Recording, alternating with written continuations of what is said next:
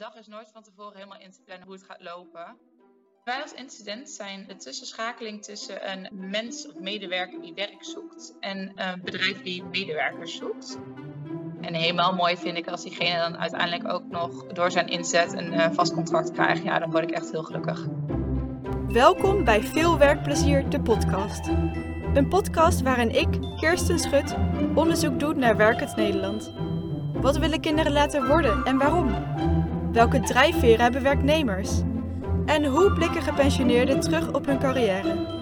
In deze aflevering ontvang ik Anouk Kleverwal.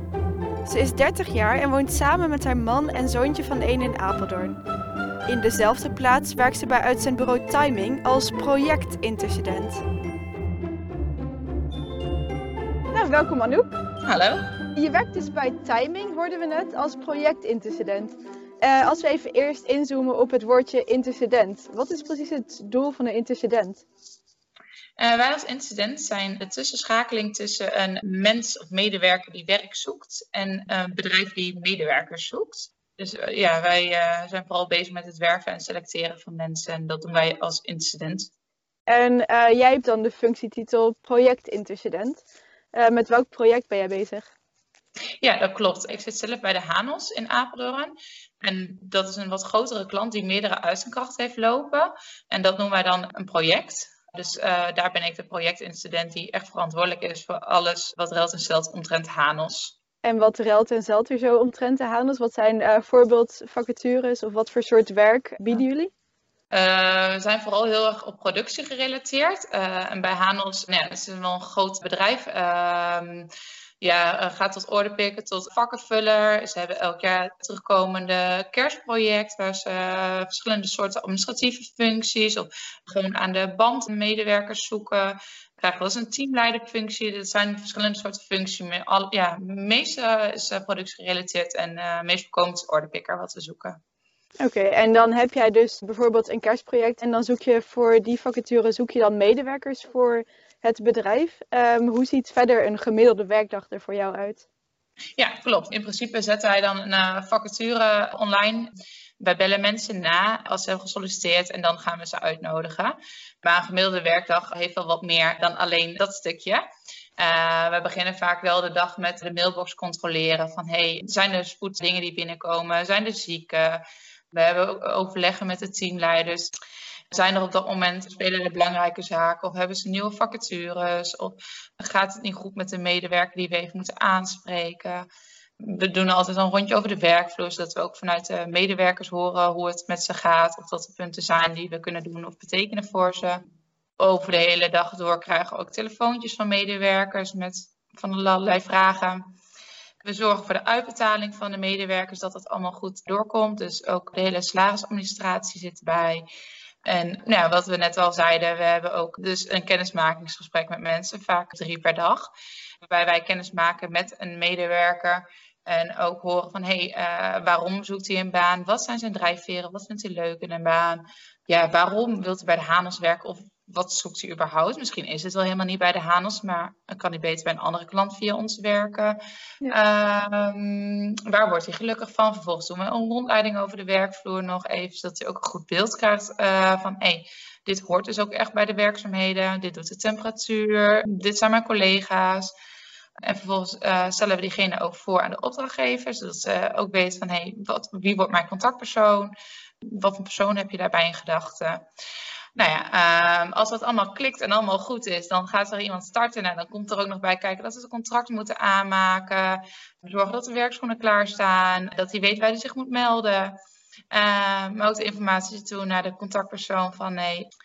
Uh, dat hij weet welke persoon wanneer gaat starten. En wanneer ze moeten zorgen dat er iemand beschikbaar is om diegene in te werken. Dus dat uh, globaal over de hele dag. ja, dat is echt een heel uh, gevarieerd takenpakket als ik ja. het zo hoor. Wat is eigenlijk dan de reden dat uh, bijvoorbeeld een Hanos dat niet zelf doet? En waarom besteden ze dat uit aan jou? Uh, Hanos doet het wel zelf ook. Uh, we doen het samen eigenlijk. Ehm, ja, het zijn gewoon veel vacatures en wij helpen ze mee met zoeken. Dus het kan ook zijn dat ze het zelf wel eens gewoon vinden en het via hunzelf aan het werk gaat. Maar ook wij helpen daarin.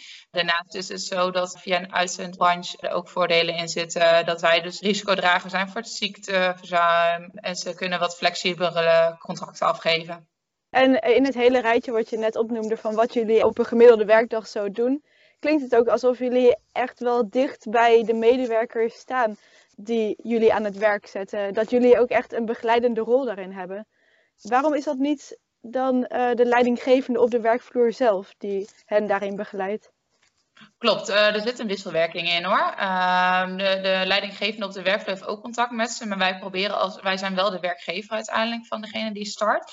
En wij proberen daar ook de sturing in te houden. Dus we proberen ook inderdaad uh, PCC-gesprekken noemen we dat, beoordelingsgesprekken te houden met de medewerkers. Kijken waar kunnen we nog sturing in bieden, waar kunnen ze nog meer in helpen wat kunnen meer voor ze betekenen? Dus, ja, wij vinden het wel belangrijk. Het is een best wel specifiek werk waarvoor je medewerkers zoekt bij de HANOS. Dan kan ik me ook wel voorstellen dat je wel eerst ook echt moet verdiepen in wat houdt het werk in, wie passen erbij, wat zijn een aantal criteria waar de medewerkers aan moeten voldoen. Heb je dan een bepaald lijstje of zo, zodra er een medewerker op gesprek komt van oké, hier moet hij aan voldoen? Of hoe leef je je in? Uh, ja, klopt. Je moet wel echt uh, goed kennis maken met een klant. Dat doen we echt wel door ja, goed de omgeving te zien. Wat loopt er op dit moment? Wat zijn precies de werkzaamheden? Uh, een klant heeft vaak ook wel echt criteria zelf van hey, daar moet iemand aan voldoen. En het is vooral heel erg ervaren. En iemand een gunfactor geven soms. En het gewoon laten proberen en ervaren of het wel werkt of niet werkt. En ja, soms gaat het helemaal mis. En ja, dan weet je dat in ieder geval van, nou, dat hoeven we dan niet nog meer een keer te proberen, zo iemand bijvoorbeeld. Ja, en soms pakt het heel goed uit. En ja, dan is het alleen maar mooi. Dat is waar je naar streeft, denk ik, continu, toch? Ja, klopt. Soms hebben de criteria wat een klant vraagt, moet je gewoon even soms loslaten en een gok wagen om iemand het echt te gunnen. Dat je denkt van nou, ik heb wel vertrouwen in, dat komt al goed.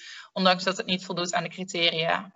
Als ik het ook zo zie, dan heb je dus contact met de medewerkers die jij dus werft en het bedrijf waarvoor je dus werft. Uh, zijn dat degene met wie je contact hebt?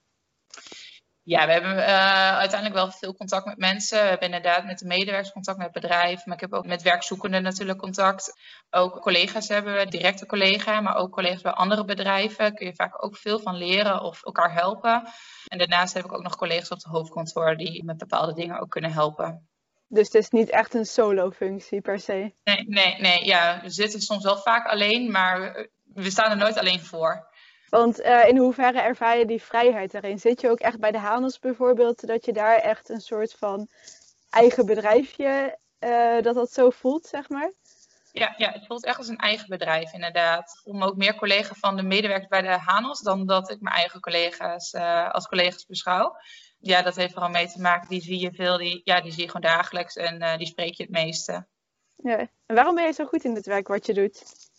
Ja, ik denk dat ik gewoon heel flexibel ben en snel kan schakelen. Wat ik net ook al zei, dat heb je ook echt wel nodig met hoeveel verschillende soorten dingen er op een dag gebeuren of uh, moeten gebeuren. Ik kan goed met prioriteiten stellen. Um, een dag is nooit van tevoren helemaal in te plannen hoe het gaat lopen. Dus je moet gewoon echt goed je prioriteiten daarin kunnen stellen, wat het belangrijkste is op die dag.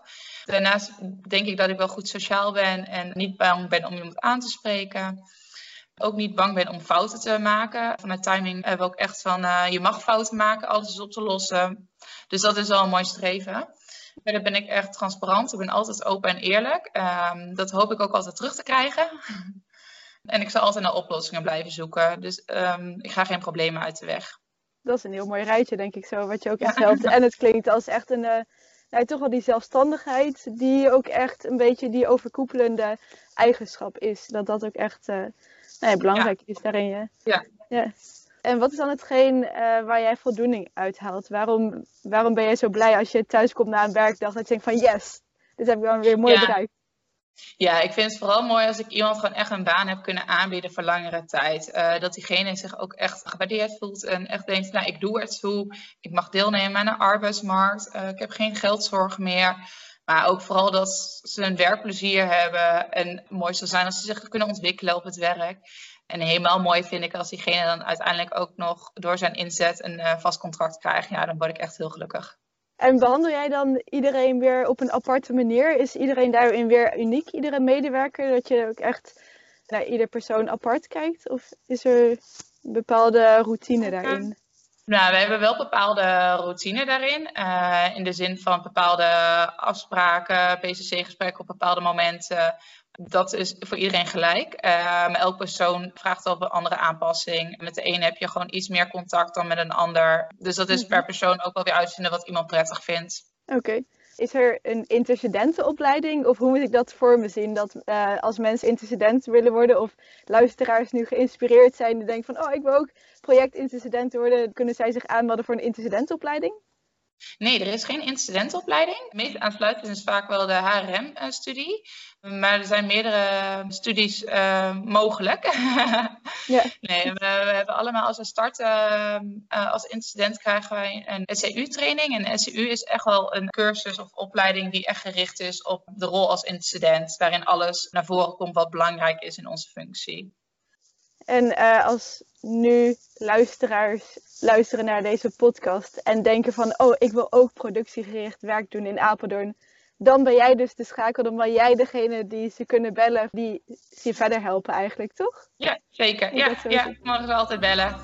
Dankjewel, Anouk. Helemaal goed. Dat was Anouk Kleverwal over haar werk als projectintercedent. Volgende week weer een nieuwe aflevering met Shirinda Put over haar werk als therapeut voor paarden door middel van osteopathie en craniosacraaltherapie. Vergeet ondertussen niet te abonneren op deze podcast en volg mijn Instagram-account podcast.veelwerkplezier. En denk je nou, ik wil mijn werkplezier ook delen via deze podcast? Stuur dan een e-mail naar podcast.veelwerkplezier.gmail.com. Leuk dat je luisterde en voor deze week veel werkplezier!